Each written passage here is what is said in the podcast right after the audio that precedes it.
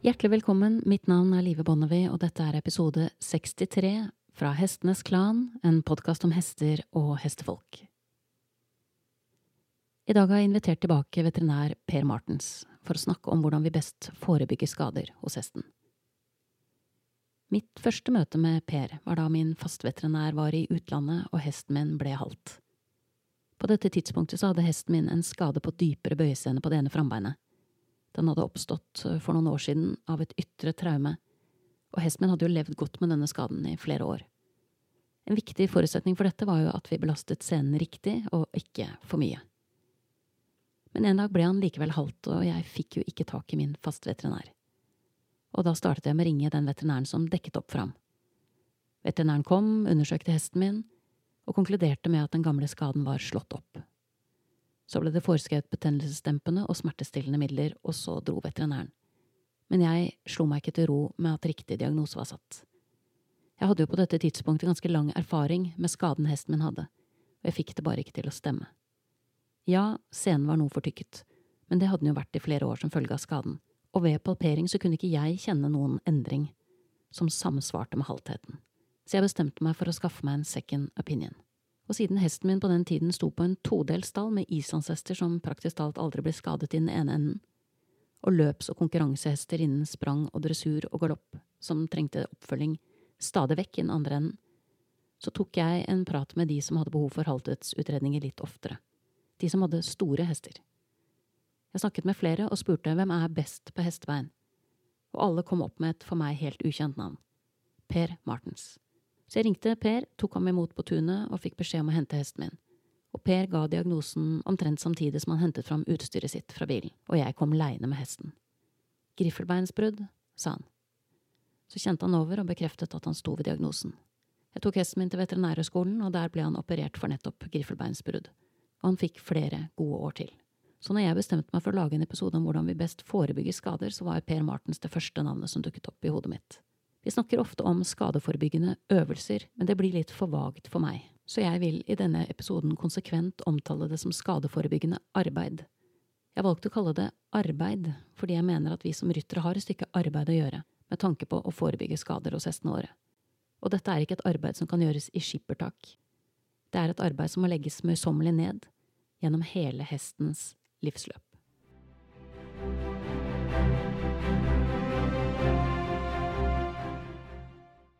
Ok, Per, da har vi omsider fått satt oss ned eh, for å snakke om skadeforebyggende arbeid. Ja.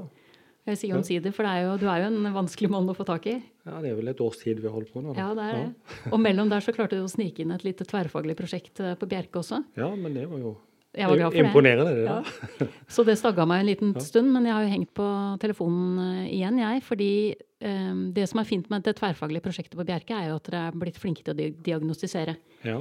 Og hjelpe folk. Men det mest interessante, syns jeg, og det vet jeg at du deler, det er jo hva kan vi gjøre for å unngå å komme dit at hesten får skader. ja, det er jo eh, det er kanskje det viktigste aspektet med det vi holder på med. Um, å hjelpe til sånn at vi slipper å få skader på hestene. Det er jo det viktigste. Ja. Ja. Um, det er jo ikke sånn at det, um, sånn rent økonomisk så ville det være bra butikk om folk ikke fikk den hjelpen. Men eh, det, det er jo motsatt. En Ja. ønsker å, For dyrene sin del så ønsker en at eh, en skal unngå skader. Så det jeg har gjort i min ende, er jo at jeg har gjennom de 40 årene jeg har drevet med hest, så har, jeg- kjenner jeg mange, og jeg er en sånn en selv, som har hesten hele livsløpet. Mm. Og det jeg ser da, er jo at det er veldig ofte enten tennene eller beina som er det som ryker. Ja. Eh, og jeg hadde Ellen Schmedling her inne for å snakke om hvordan tar vi vare på hestens tenner. Ja. Og nå sitter du i godstolen for å si rett og slett litt om hvordan tar vi vare på hestens bein. ja. Altså, jeg har jo da en litt eh, spesiell approach på det. Um, det jeg ønsker å snakke om, det er faktisk utdannelsesskalaen. Eller dressurskalaen, som den kalles. Og det er en, en rød tråd i utdannelsen av hest, men samtidig en rød tråd i hverdagsarbeidet av hesten. Og dette er jo ikke noe nytt, dette er jo gammel kunnskap. Altså Vi har ridd i mange tusen år, og hesten har vært mye, mye viktigere i samfunnet før enn den er i dag. Sånn at dette er jo kunnskap som er opparbeida gjennom generasjoner. Eh, Men det er engang tyskerne da som har systematisert det, for de er jo et systematisk folk. Eh, så, så, det baserer seg jo på det som heter de Ausbildungsskala.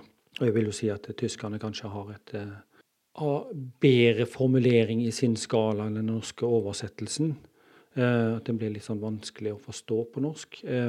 Siden så har vi en utfordring at det, jeg tror mange oppfatter at utdannelsesskalaen er en ting for de store festtalene, og ikke noe som du bruker daglig. Vi har eh, ungdommer som går på videregående skole på hestelinje, toppidrettssatsing, som aldri har hørt om utdannelsesskalaen. Eh, I sprangmiljøet så tror jeg at veldig mange tror at dette er noe som dressurrytter holder på med. Og dermed så tror jeg at denne, det å kalle det for dressurskalaen blir helt feilaktig. For dette handler om utdannelse av hester. Og eh, ja, for de som ikke vet hva det dreier seg om, så kan du kjapt gå igjennom punktene. Det er takt, eh, og det er løsgjorthet, og det er den stabile, myke tøylekontakten. Det er schwung, og det er rettstilthet. Og så er det samling til slutt. Og ja, det første punktet på utdannelsesskalaen takt. Hvis vi overfører til oss mennesker, hvis en løper, så har en en, en slags indre metronom som angir hvilken frekvens en løper med, hva som er mest behagelig for oss, og hvor du er best i balanse. Det skjønner jo alle. Hvis noen tvinger deg til å løpe med, med, mye høyere frekvens, så blir du sliten og mister balansen. Hvis du eh, blir tvunget til å løpe med lavere frekvens, så ble du òg sliten og mister balansen. Det er liksom balansepunktet der du er i en sånn, sånn flytsone når du løper. Ja, for de som, har, eh, som løper selv og trener, som har en treningsapp, så kommer kadens opp, eller cadence, eh, på de fleste. Og, og, hvis du da går igjennom og ser, så løper du alltid med den samme frekvensen. Det er det som er naturlig for deg. Og kunsten er å finne hesten sin balanse. Finne takten til hesten, den grunntakten som den er utstyrt med fra naturen sin side. Og det er klart at mange som misforstår når de begynner eh, på et høyere nivå å ri, at eh, de misforstår samling med å ri sakte. Men takten det er den grunnleggende. Uten den så kommer du ikke videre. Finne balansen. Og for en treåring som du putter salt på for første gang og begynner å ri, så er det jo det du skal finne ut av. Du skal finne takten. Hesten skal finne sin balanse og gå der. Du er ikke opptatt av hvordan den har hodet eller noe som helst annet. Den skal bare finne balansen sin. Og etter hvert så må du sørge for at den hesten er løsgjort, som er neste punkt på skalaen. Og, og løsgjorthet er jo da selvfølgelig grunnen for at du skal komme videre på alle mulige måter. Og løsgjort betyr jo at den er smidig over linjen. Eh, du kan stille den litt innover, du kan stille den litt utover. Hele overlinjen er løs og ledig. Og de to danner jo grunnlaget for at du skal få en stabil tøylekontakt. Uten at du har det grunnleggende på plass, uten at hesten går i balanse, så kan du heller ikke få en stabil myk tøylekontakt. Um, det tyske begrepet er 'anlenung'. Um, og det betyr mer å legge seg inntil. Og det, det, har jo da en sånn softhet i begrepet. Og den er vel ikke så tydelig når du snakker om tøyelig kontakt. for den kan jo være alt mulig rart. Men det er denne softheten i det som, som er grunnleggende. For hvis hesten er balanse, så har du en myk tøylekontakt. Noen ryttere liker å ha mye i hånden. Da har du ikke en løsgjort hest. Så enkelt er det. Det, det er ikke noe du skal like. det. det, det hesten skal bevege seg i balanse, og du skal ha en stabil, myk tøylekontakt. Det er jo ikke dermed sagt at alle hester er like lette å få løsgjort og ri over ryggen. Men disse tre første punktene er jo det grunnleggende i utdannelsen av en hest. Men det er selvfølgelig òg det grunnleggende hver dag når du begynner å ri. Eh, det er jo det løsgjørende du holder på med, før du skal begynne å gjøre noe som helst annet. Om du skal hoppe eller ri i terreng, eller om du skal ri dressur. Du er nødt for å gjøre den fasen der, den løsgjørende fasen. Og det er akkurat som fotballspillerne har vi nettopp hatt EM i fotball. Eh, de løper rundt på banen og gjør masse rare øvelser. Løsgjørende øvelser. For at hele kroppen skal komme i gang, sånn at de kan gå ut på banen og gjøre det de skal gjøre. Og den tankegangen må jo være til stede for hestene våre òg. Men vi har veldig mange ryttere som egentlig ikke vet hva de skal gjøre. De jogger litt rundt på halvlange tøyler uten mål og mening. De vet ikke hvordan de løsgjør en hest. De vet ikke hvilke øvelser som er løsgjørende. Og dermed så får de aldri en løsgjort hest heller. Og det typiske er jo du møter på sprangtrening med en ferdig løsgjort hest, eller en ferdig oppvarma hest. da. Og treneren har jo ikke kanskje sett det, fordi de har behov for å kommunisere med rytterne på den forrige gruppen, eller de foresatte på den forrige gruppen. Um, så det å ta tak i den biten og gi en slags utdannelse i den biten, er jo ekstremt viktig. Men de fleste sprangryttere de, um, de rir på trening en dag i uken for en sprangtrener, og resten av tiden så jobber de for seg selv. Og dermed så får de ikke den basalkunnskapen i, i den der løsgjortheten og løsgjørende jobben som det må gjøres. Hvilke øvelser som er løsgjørende, og hva de skal øve på. Og når det gjelder videre, så Neste punkt er, er svung. Eh, og svung det kommer av å svinge. Det skal svinge av ryggen på hesten. Og hvis du skal få det til å svinge av ryggen på hesten, så må du aktivere bakbena. Du må få bakbena til å komme under tyngdepunktet. Men for å klare det, så må du altså aktivere bukmuskulaturen. Og sånn sett så er kanskje bukmuskulaturen den viktigste muskelen. Det fins en del billedliggjøring av det med bruken av bukmuskulatur. Du ser på hestens rygg som en bue, og, og bukmuskulaturen som en streng, eh, en buestreng. Og det er klart at det, ryggraden er jo ganske stabil. Eh, den er sterk, den tåler mye. Men, og, og, det er ikke så veldig mye bevegelighet i den. Men når du strammer bukmuskulaturen, som jo fester i bekken òg, så tipper du bekkenet under hesten, og du løfter ryggen sånn at hesten går over ryggen, som det da kalles. Men for å gjøre det, så må den jo da strekke seg ned og fram. Så du har dette her med lang og dyp eh, som en helt essensiell del av, av, ridningen, og som en nødvendighet. Eh, du, du, kommer aldri til å klare å utdanne en ung hest uten at du er innom en lang og dyp fase. Og den er jo da selvfølgelig helt essensiell for alle de videre punktene du skal komme til. Du må ha schwung for å klare å, å ha en rettstilt hest.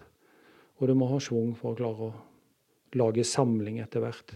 Det med, øh, med en øh, løsgjort hest som går over ryggen, som det svinger av, øh, den skal da etter hvert bli likesidig og og rettstilt. Eh, jeg tror det norske begrepet rakhet eh, er kanskje det, det, det, I min verden så innebærer det kanskje noe sånn stivt over seg. Det å være rak, det betyr egentlig stivt.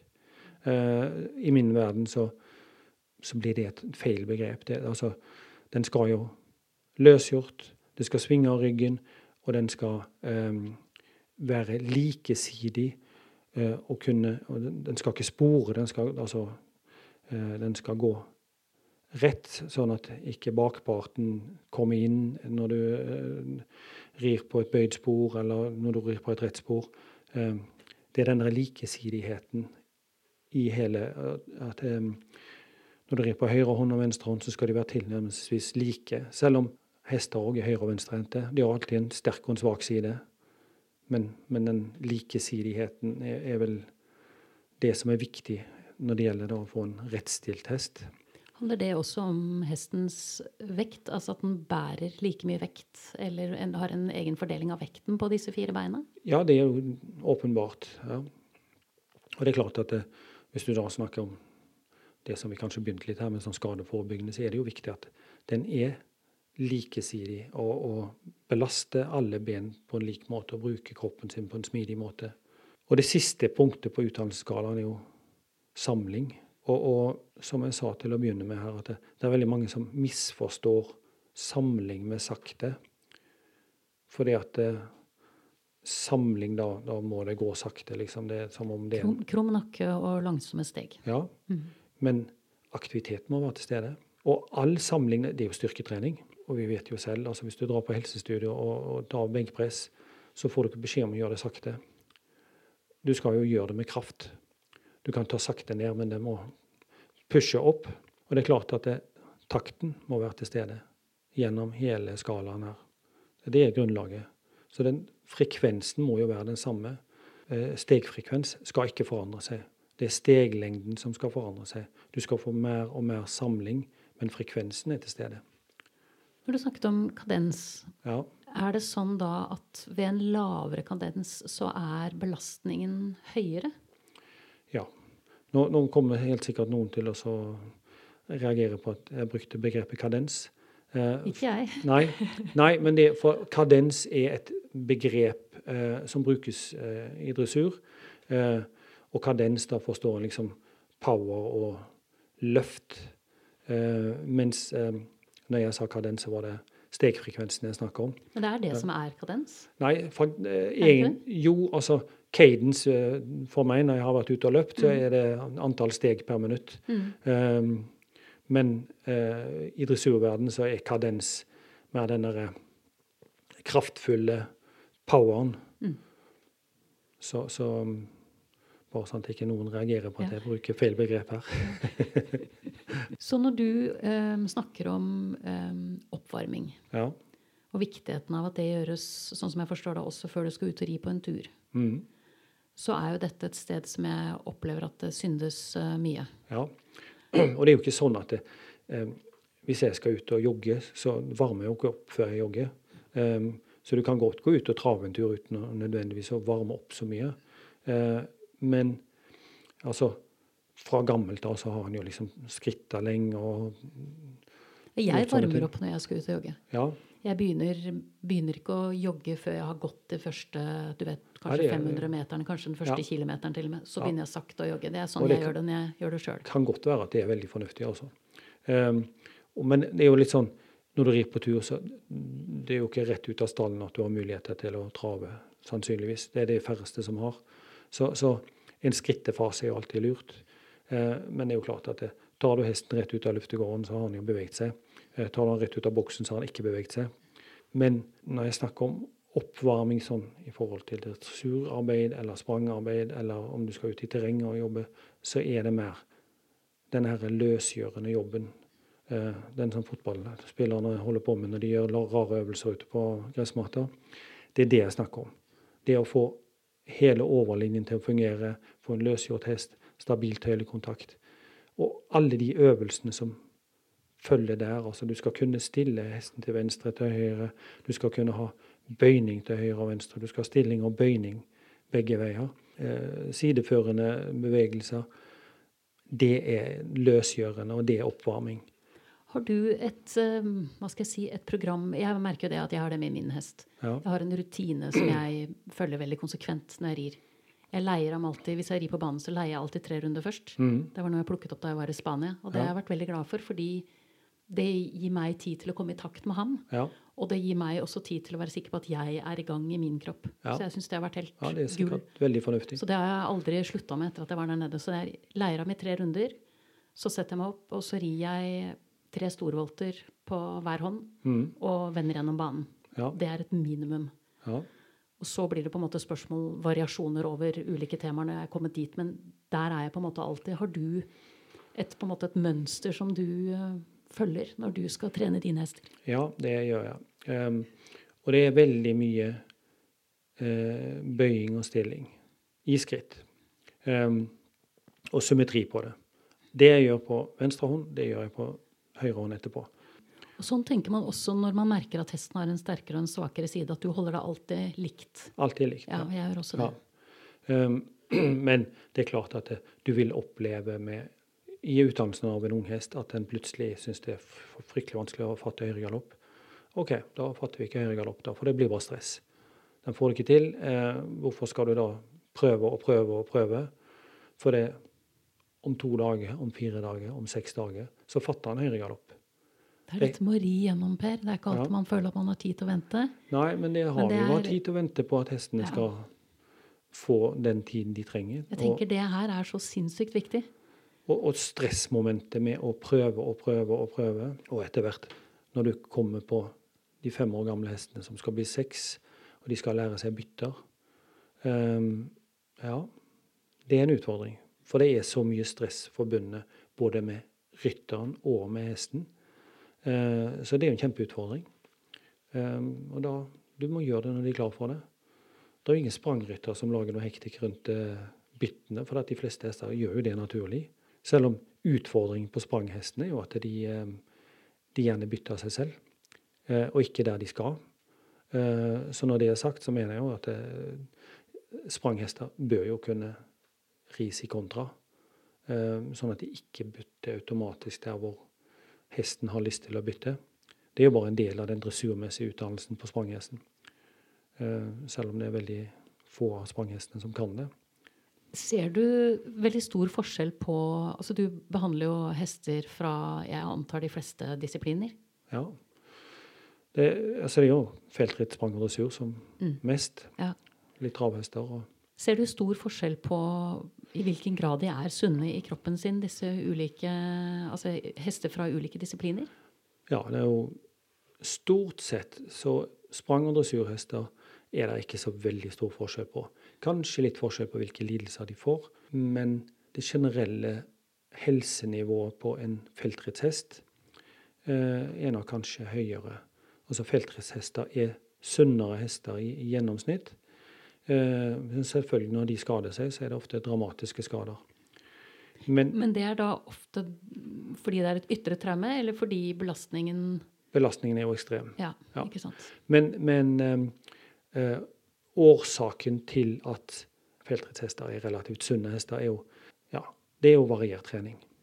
Eh, så, så, hvis en skal si sånn, Bortsett fra å, å bruke dressurskalaen rik korrekt og prøve å utdanne hesten så korrekt som mulig i forhold til um, sunnhet, så er jo uh, tren mest mulig variert, tren på mest mulig variert underlag.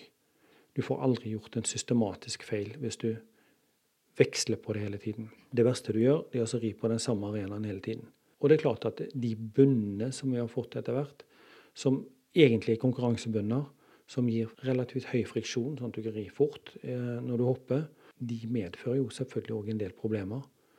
Eh, den optimale treningsbunnen er nok mye mykere enn den optimale konkurransebunnen. Og dette er en utfordring eh, mange steder, for sprangtreneren ønsker å ha en fast bunn når de har sprangtrening.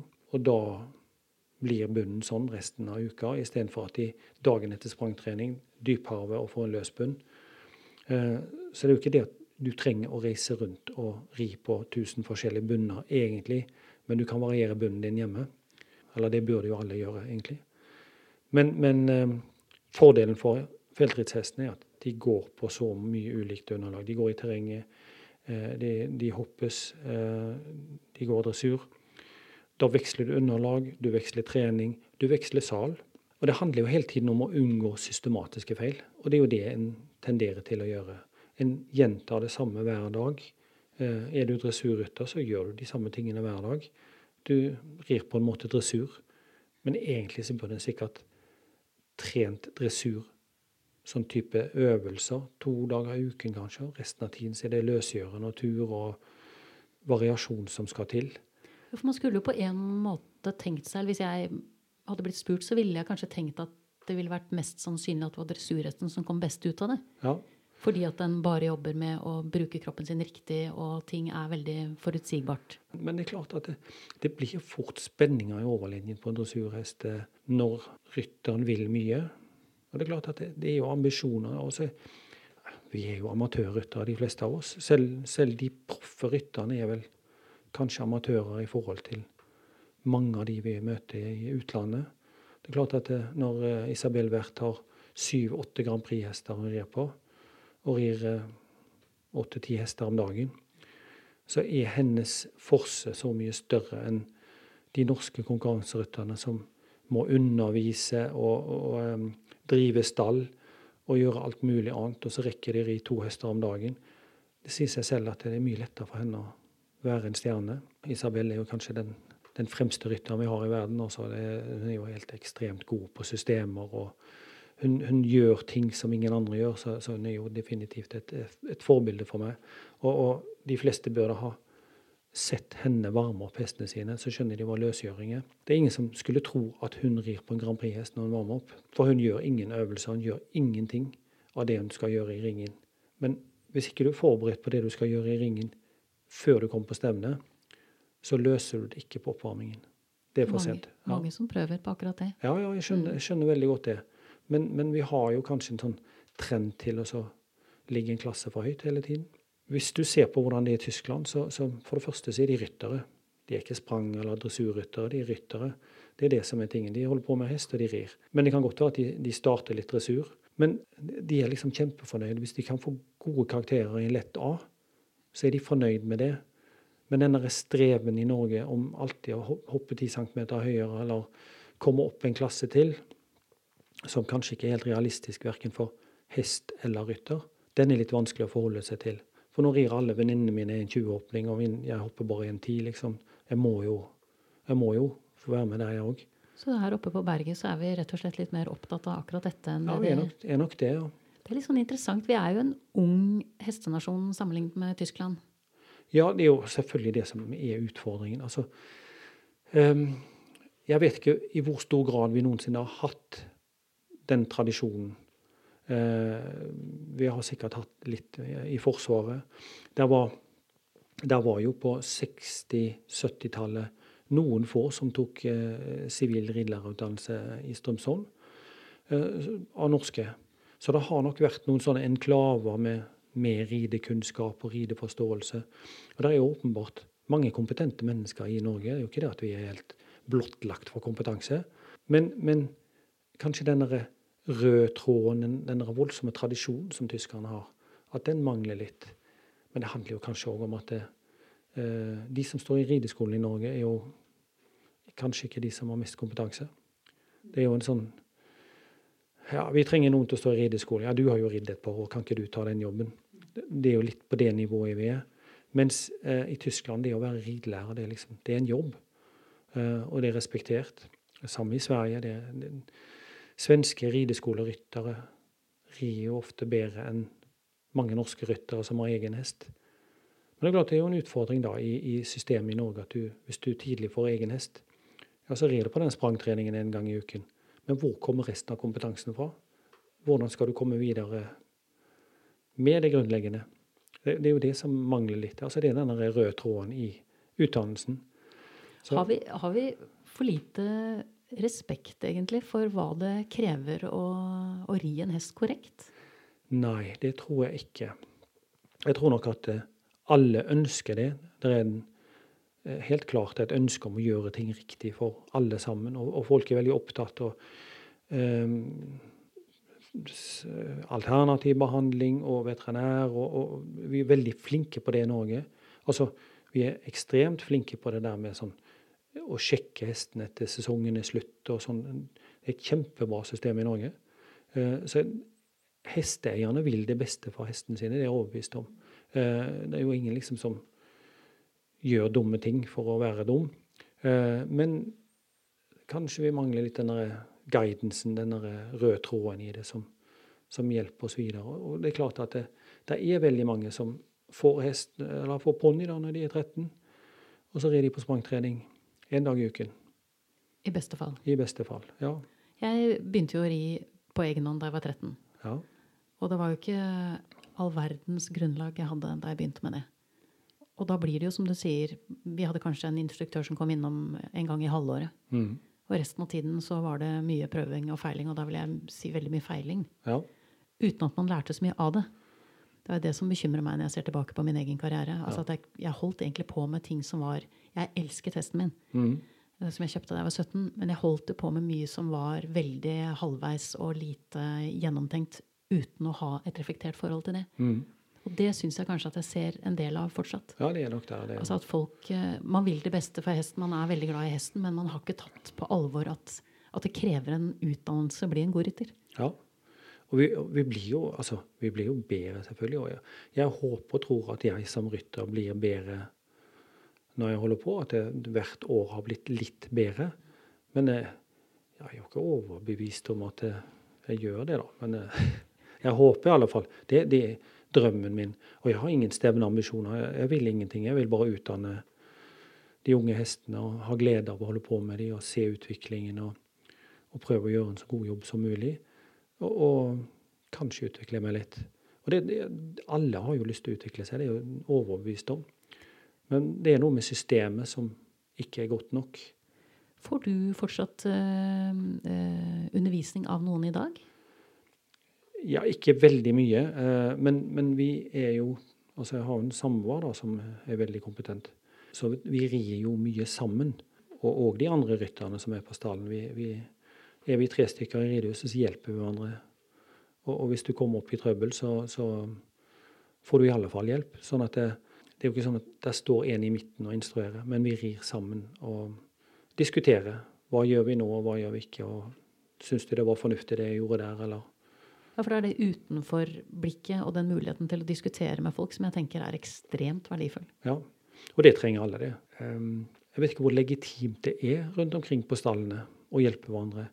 Og, og noen Det er jo klart at det er noen som kommer med mer hjelp enn de fleste ønsker òg. Uh, og det kan jo være opphav til frustrasjon på mange staller. Det at det, der er noen litt godt voksne damer som vet alt og kan alt, og blander seg borti alt. Så, så, det er klart at det er jo vanskelig òg. Men, men, det å ha en sånn eh, toleranse for at vi kan hjelpe hverandre Og de fleste kan komme med tips, altså. Så du trenger ikke å være Grand Prix-rytter eller ha konkurrert på et høyt nivå for å kunne hjelpe litt, eller Jeg tenker jo for litt sånn assosiasjon når du sier godt voksne damer som mener sine ting, at uh, i den stallen da jeg startet å ri, hvor jeg red på egen hånd, så hadde vi jo noen sånne. mm. Um, og jeg har, jeg har tenkt flere ting om dem i ettertid, men en av de tingene jeg har tenkt når jeg red rundt uh, på banen med Grime på Volte og trodde at det var dressur, Mm. um, og da mener jeg uten form, fasong og noe, altså, Ja. um, at de også hadde litt grunn til å blande seg noen ganger. For vi Ja. ante jo ikke hva vi drev med. Nei, men det, dette er jo Så det er en sånn vanskelig. Ja. Og så er det den andre Ja. siden av det, ikke sant, som handler om at ridning er så sårbart. Ja. Ikke sant? Det, er, det er virkelig sjela som ligger der. Og den er naken og eksponert, og det er skummelt når folk kommer inn og på en måte mener noe om den eller, eller vil blande seg. visst er det det. Ja. Så folk er jo Jeg tror jo også at man blir litt sånn Ja, man har, har lyst kanskje å ha det litt for seg selv. Ja. Det er mest behagelig. Ja, ja, men det, er, det er vanskelig. Og og, ja, vi gjør feil, alle sammen. Helt klart. Og, og sånn sett så er jo klart en av de viktigste eh, grunnene til at hestene får problemer, det er at vi gjør feil. Og, og framfor alt, eh, hvis den samme rytteren rir i den samme salen, på den samme hesten, på det samme hodelaget, på det samme stedet, da går det ofte galt. Så, så det at flere ryttere kanskje rir på samme hest, at en bytter hest innimellom, sånn at en ikke blir mester på å mestre sin egen hest, men kanskje lære litt av å ri andre sine hester og løse problemene som oppstår, det òg er verdifullt. Og vi gjør jo det. Vi er flere som rir på de hestene. Det er jo ikke sånn at én rytter rir på, på den ene hesten, men vi bytter litt på det. Og det er jo verdifullt. Og, og klart det, altså, vi har jo mange hester, så, så de som rir, rir jo på mange hester òg. Og da, da er det vanskeligere på en måte å gjøre den systematiske feilen. Men det er jo selvfølgelig, altså, og, og på dressursiden, da. em, så skal du ut og ri seksårsklasser, for det er så fint og flott. Og da er det de byttene som skal til. Og så er det terping, terping, terping. Og jo nærmere du kommer det stevnet, jo mer terper du, og jo mer glemmer du det løsgjørende. Men ja, for det første er det jo ikke noen menneskeretter i seksårsklasser. Og, og det er jo hestens ve og vel som er det viktigste. Og kanskje til og med syns jeg en gang iblant at dommerne kanskje burde være litt tøffere og si at, vet du, at det, gå hjem og øv litt og ri litt løsgjørende, og så kommer du tilbake når du kan dette her. Det er jo altfor mange i Norge som rir til 55% i klassene de rir. Eh, da har det ikke noe der å gjøre. Så enkelt er det. Klart noe kan gå galt. Det kan det alltid gjøre. Hesten blir spent og liksom Hvor tenker, du, hvor tenker du at du skal ligge? Hvor mange prosent? For Ja, at altså- du har plassert deg riktig? Det må jo være godkjent, i alle fall. Ja. Ja. Så over 60 skal vi. ja. Ja, Men kanskje med litt margin nå, eller? ja helst det. Ja. Og det er tross alt bedre å ri en lett A til 70 enn å ri en middels B til 59. Jeg, eh, I mine podkastepisoder så avslutter jeg alltid med å takke lytteren for tålmodigheten. Mm. Og det er jo en del lyttere som har spurt hvorfor, hvorfor takker du for det. Vi syns bare det er hyggelig å høre på. Ja. Men det som er den overordnede greia for meg, eh, handler jo ikke om tålmodigheten i forhold til å høre på podkast, men tålmodighet i forhold til hesten. ja. Altså at egentlig det jeg dypest sett ønsker at folk skal være oppmerksomme på, det er hvor viktig det er å være tålmodig med hesten. Og ikke ha disse fastlåste ideene om, som du sier, i den og den alderen, på den og den fasen, så skal man komme dit og dit. For hester er forskjellige. Ja. Noen av dem er late bloomers, noen av dem eh, er early. Ja, ja, ja. Og så må man på en måte følge den hesten man har. Og det jeg har sett, Nå er islandshestbransjen min bransje, da, men det jeg har sett mye der, har jo vært Jeg husker særlig for flere år siden jeg selv var i konkurranserytt, og da må vi tilbake til slutten av 80-tallet, så det begynner å bli lenge siden. Men da var det noen som da viste fireåringer. Og på den tiden var det litt uvanlig, fordi at islandshesten er jo tregvokst. Og vi pleide ikke å ri dem med noe større utstrekning før det var fem. Men jeg husker på slutten av 80-tallet, begynnelsen av 90-tallet, så var det noen som kom og viste fireåringer. Og de hestene gikk som jeg aldri har sett en islandshest gå. Altså, de var helt fantastiske. Og så ble de borte. Og man så aldri noe mer til dem. Så snakket jeg litt med Jens Einarsson, som sitter ganske sentralt på Island og driver et stort heste, en heste, heste, hestetidsskrift der borte. Og han sa også at det er et utbredt problem der. Altså at når du presser ting fram for tidlig, det blir litt som en rose som du på en måte tvinger til å åpne seg, så, så ser den ikke så bra ut over tid. Det må liksom få tid til å åpne seg i ro og fred. Ja. Og det er en av de tingene som jeg har veldig lav toleranse for, egentlig. Det er at vi har det så travelt med dem. Ja, ja, men det er klart, altså. eh, Det er det ønsker om å delta i årgangssjampionater og kanskje til og med ri et unghest-VM. Det er ting du vil oppnå. Eh, Og, og for å være litt stygg, så er jo det å ri unghest-VM det er kanskje den eneste muligheten enkelte ryttere har for å ri et VM i sitt liv. Derfor blir det liksom ekstra viktig. Eh, Men, men eh, det å utdanne enhver unghest i den takten den trenger, det er jo et ekstremt viktig grunnlag for videre helse. Og vi ser jo det, altså det, her i Norge så kan det være 30-44-åringer som går en fireårsklasse. Og så er det 25-åringer, og så er det tre seksåringer, og så er det en syvåring igjen. Og det er klart at det, det er jo ikke alle de fireåringene som skal opp på det nivået som syvåring går på, som har anlegg for det, eller kan det, eller det er ikke alle rytterne som kan det. Så det er jo en grunn der for at de forsvinner. Men noen av de forsvinner fordi at det, de har vært overbrukt. Og det er jo selvfølgelig en utfordring. Og, da er det dressur framfor alt som, som er verst. Altså det er ikke så ille på sprangsiden, for det, det gir seg selv. Altså Hvis ikke du klarer å hoppe en 30 bane på en seksåring, og den tar med seg alle bommene, så fortsetter du ikke. Altså, så dum er det ingen som er. Ja, så stopper seg selv. Det stopper seg selv, ja. Mm. Men på dressursiden så liksom vil en gjerne. Og så har du jo dette her eh, Det er jo en, en avl av hypermotile hester. Det betyr at eh, de har en ekstrem bevegelighet i leddene sine. Når du ser mange av de mest populære dressurhingstene i bransjen, eh, så har de så myke koder at de trakker helt igjennom, sånn at koden er helt ned i ridebunnen. Og det er klart at det gir denne elastisiteten som du drømmer om. Eh, men det gir jo ikke sunne individ. Skader på gaffelbåndene på dressurhester, på bakben, spesielt oppe i utspringet, er jo kjempevanlig. Og en, en ekstremt vanlig grunn til at øh, fine dressurhester går med pensjon. Og det er jo denne hypermotiliteten som er årsaken til det. Og det er vel litt sånn på islandshesten òg at det, etter hvert som de har fått større og større gangarter, så er det en sånn hypermotilitet i de òg. Og det er jo, det er jo en, en, en naturlig utvikling på mange måter, for det er det folk vil se. Men det er ikke det som gir holdbarhet. Eh, og det er kanskje ikke de med de største bevegelsene som tre- og fireåring som egentlig blir de fineste Grand Prix-gjestene til slutt. Sånn at vi på en måte vi selekterer på noe annet enn det vi ønsker. Det blir jo et fokus, eh, opplever jeg, både i dressur og i forhold til islandshest, på denne frambeinsaksjonen. Ja. Som, som gjør at det ser så spektakulært og stort ut. Og at det i islandshestmiljøet at det er blitt på en måte vanligere å sko med såler nå enn det var før. Jeg kjente jo ingen som drev med det før. Men da løftet også hestene beina sine på en helt annen måte. ja. Så jeg lurer litt på sånn i forhold til skadeforebyggende arbeid, um, hvordan det blir for hestene. Altså har vi, beveger vi oss over et område hvor vi begynner å be dem om mer enn det de kan gi oss?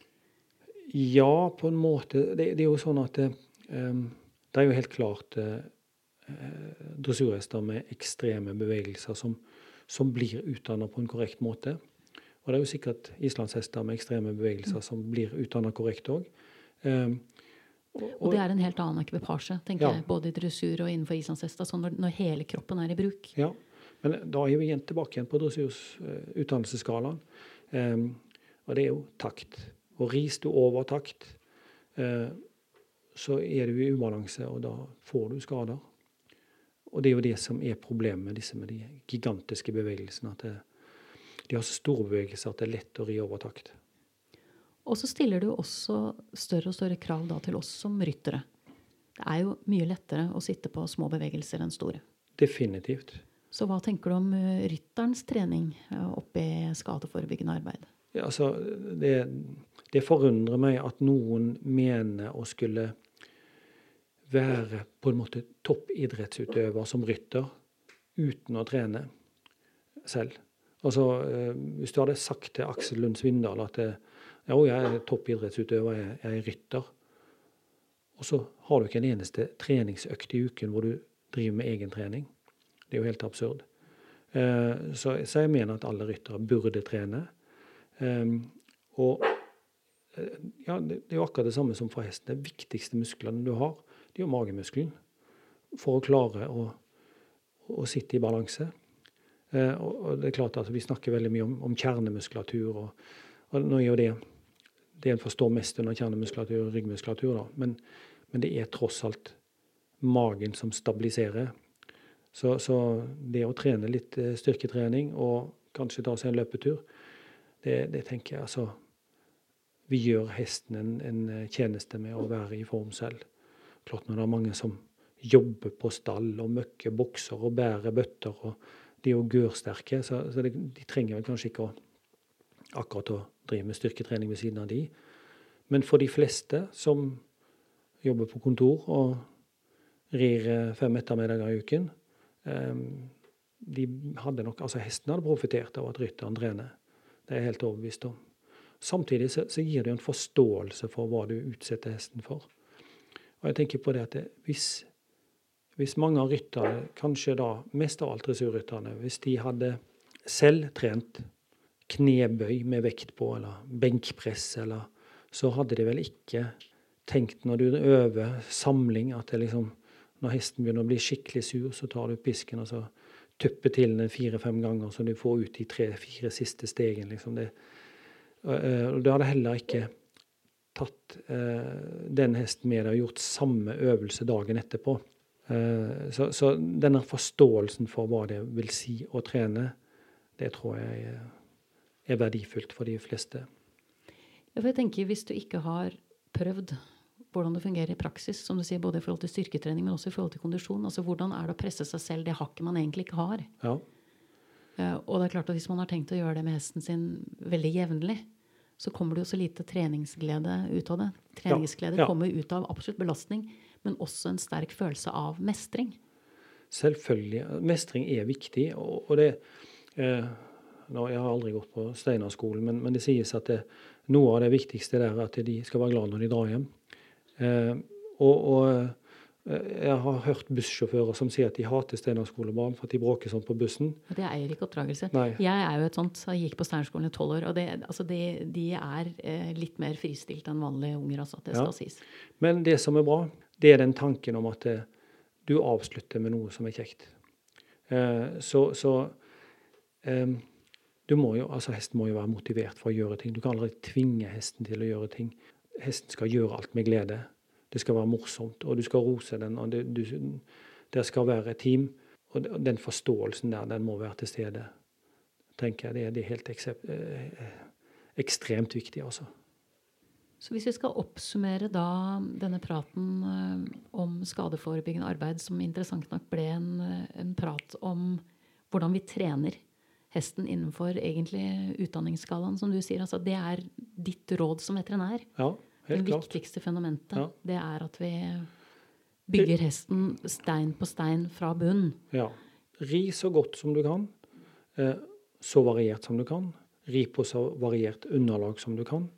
Eh, og gjerne unngå å bruke samme sal hele tiden. Unngå å gjøre systematiske feil som, hvor du gjentar og gjentar og gjentar det samme. Det er det som skader hestene. Gjentakelser av ting skader hestene.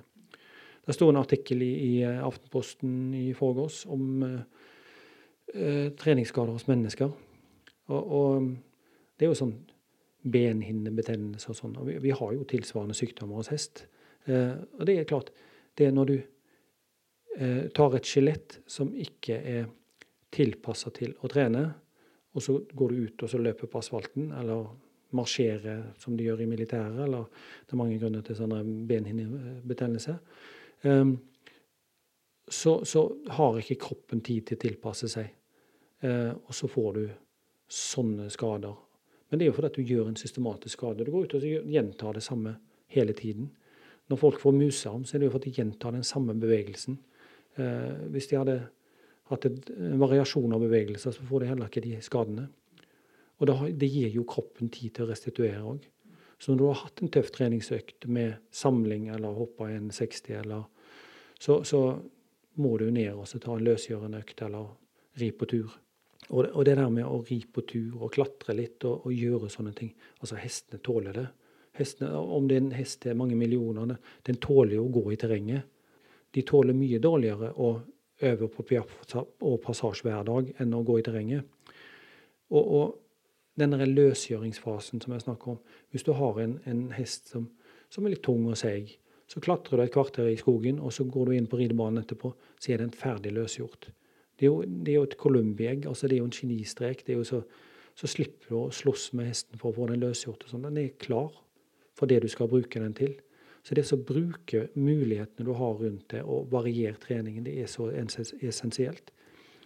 Har du, har du noe råd til de som kanskje har befunnet seg litt mye innenfor den firkanten, og mm. øvd på passasje på Piaff og holdt på med sine ting der, og så skal det plutselig ut der hvor det plutselig kommer til å fly en, en fugl opp fra en busk, ja. at det kommer til å rasle i noen grener, at det kommer til å skje uforutsette ting, så har man kanskje en hest som er veldig veldig domestisert. Den bor i boksen sin og er litt i ridus og litt i en paddock. Sånn det er mye den ikke er blitt eksponert for. Ja. Hvordan kan man komme over den barrieren som det er for mange å faktisk ta sjansen på å også komme seg litt ut i det fri? Du, men det er jo en mental greie. Fordi at hvis du har en rytter som er helt trygg, og sier at 'dette er greit', så går det greit. Da skjer det jo ingenting. Men hvis du har en rytter som egentlig er dritnervøs, og signaliserer med hele kroppen at det, 'dette er skummelt', hesten skjønner jo det. Så, så, for hesten så er det en eh, horroropplevelse, og til slutt så kommer det en fugl eller et eller annet som bekrefter mistanken om at dette er dritfarlig. Så, så hvis du er redd og ikke får til det der med å ri på tur, eh, kanskje det er noen andre som kan gjøre det for deg. Eh, så det å, å, få den varierte treningen Det er ikke gitt at den samme rytteren skal gjøre det. For det er mange som er redde og har blitt skremt og har ramla av og slått seg. Og så er det noen sånne som ikke tar seg nær av å dette av noen ganger og ryke et korsbånd og litt sånn forskjellig. Det. De bare fortsetter med ufortrødent. Ja. Så, så, men det, det, er en mental greie, altså. For de fleste hester takler veldig godt å gå på tur. De gjør det også. Så gevinsten også er såpass stor, da? I forhold til allsidighet og i forhold til å forebygge skader. Altså det å faktisk få hesten ut i terrenget. Ja. ja. Um, og selvfølgelig det mentale. Hestene blir jo glade. Altså, de elsker jo å gå på tur. De fleste. Det er mange som sier hesten min liker ikke å gå på tur. Det tror jeg ikke. Alle hester liker å gå på tur. Jeg tror at det, det er en rytter som kan sitte opp og, og egentlig fortelle hesten at det, dette er ikke noe morsomt. Um, så vi bør komme oss hjem fortest mulig. Og, og, hester som snur og sånne ting, det er jo helt andre grunner til at de snur enn at de ikke, egentlig ikke har lyst til å gå. Det er jo en usikkerhet eller vekk ifra flokken eller Ja, jeg må jo bare løse det. Da får de gå på tur sammen med noen andre, en trygg hest som kan gå foran. Men jeg ser på de unghestene våre når vi begynner å ri på tur. De som aldri har vært på tur, det er jo så stas. Altså, herregud, de vokser jo. Det er jo helt fantastisk opplevelse for dem. Om det bare er rundt gården vår, liksom, den første turen de tar, så, så er jo det en opplevelse for dem. De har jo aldri vært der før. Så, så tren variert, og, og hold hestene happy, det, det må jo være mantra. Det høres nesten ut som en punchline for eh, denne episoden, her, ja. Per. Hvis ikke du har du vet, Da jeg snakket med deg sist, så spurte jeg jo, stilte jeg dette spørsmålet som jeg stiller alle gjestene mine. Hva er det du har lært gjennom den tiden du har drevet med hest, som du mener alle folk som driver med hest, bør vite? Ja. Og da jeg spurte deg sist, Ja. Så brakte du på bane dette med når kunnskapen tar slutt, tar valdet vid. Mm. Som jo er en, en virkelig bør være hugget i steinen nesten i ethvert idrett. Ja. Alle har kjent på det, at hvis man ikke får det til, så blir man stram. Det, og det tenker jeg det var så ekstremt viktig. Og vi har kjent på det, alle sammen. Mm. Vi har mista besinnelsen, vi har blitt sinte og irritert på hesten over vår egen utilstrekkelighet. For det er det det handler om. Det er vår egen utilstrekkelighet som er problemet, og ikke hesten. Eh, Men eh, ja, jeg skulle ønske at jeg hadde vært foruten å ha de irritasjonene som jeg har hatt. Men eh, derfor tror jeg faktisk at jeg, jeg står ved at det- er det viktigste vi skal ta med oss i, livet i håndteringen av hester. Altså. For mitt spørsmål er selvfølgelig da, siden dette er en ny episode, om du også har en slags Nå høres det litt ut som den setningen da er trene allsidig. Ja. Nå som du også har noen sånne mantraer som er knyttet nettopp til dette med skadeforebyggende arbeid. Altså Er det noe vi ikke har snakket om som du tenker det her Å, det er så innmari synd at ikke de skjønner eller vet akkurat det her. Ja, men det er jo dette her med at utdannelsesskalaen faktisk ikke er noe for de store festtalene. Det er faktisk den røde tråden i det daglige arbeidet av hestene og utdannelsen av hestene. Noen har vært kloke og lagd oss en guidance for hvordan vi skal gjøre ting. Og, og dette er mennesker som var avhengig av hesten på en helt annen måte enn det vi er. Så, så det var kloke mennesker som har lagd det, og, og det har så stor betydning. Så jeg tror det er vel kanskje det mantraet jeg sier, at skal du ha en sunn hest, så forhold deg til utdannelsesskalaen, så går det bra. Tusen hjertelig takk, Per, for at eh, vi omsider klarte å få satt oss ned og snakket om disse viktige tingene. Ja, like måte. Og all mulig lykke til med ditt eh, videre arbeid både på Bjerke og andre steder. Takk.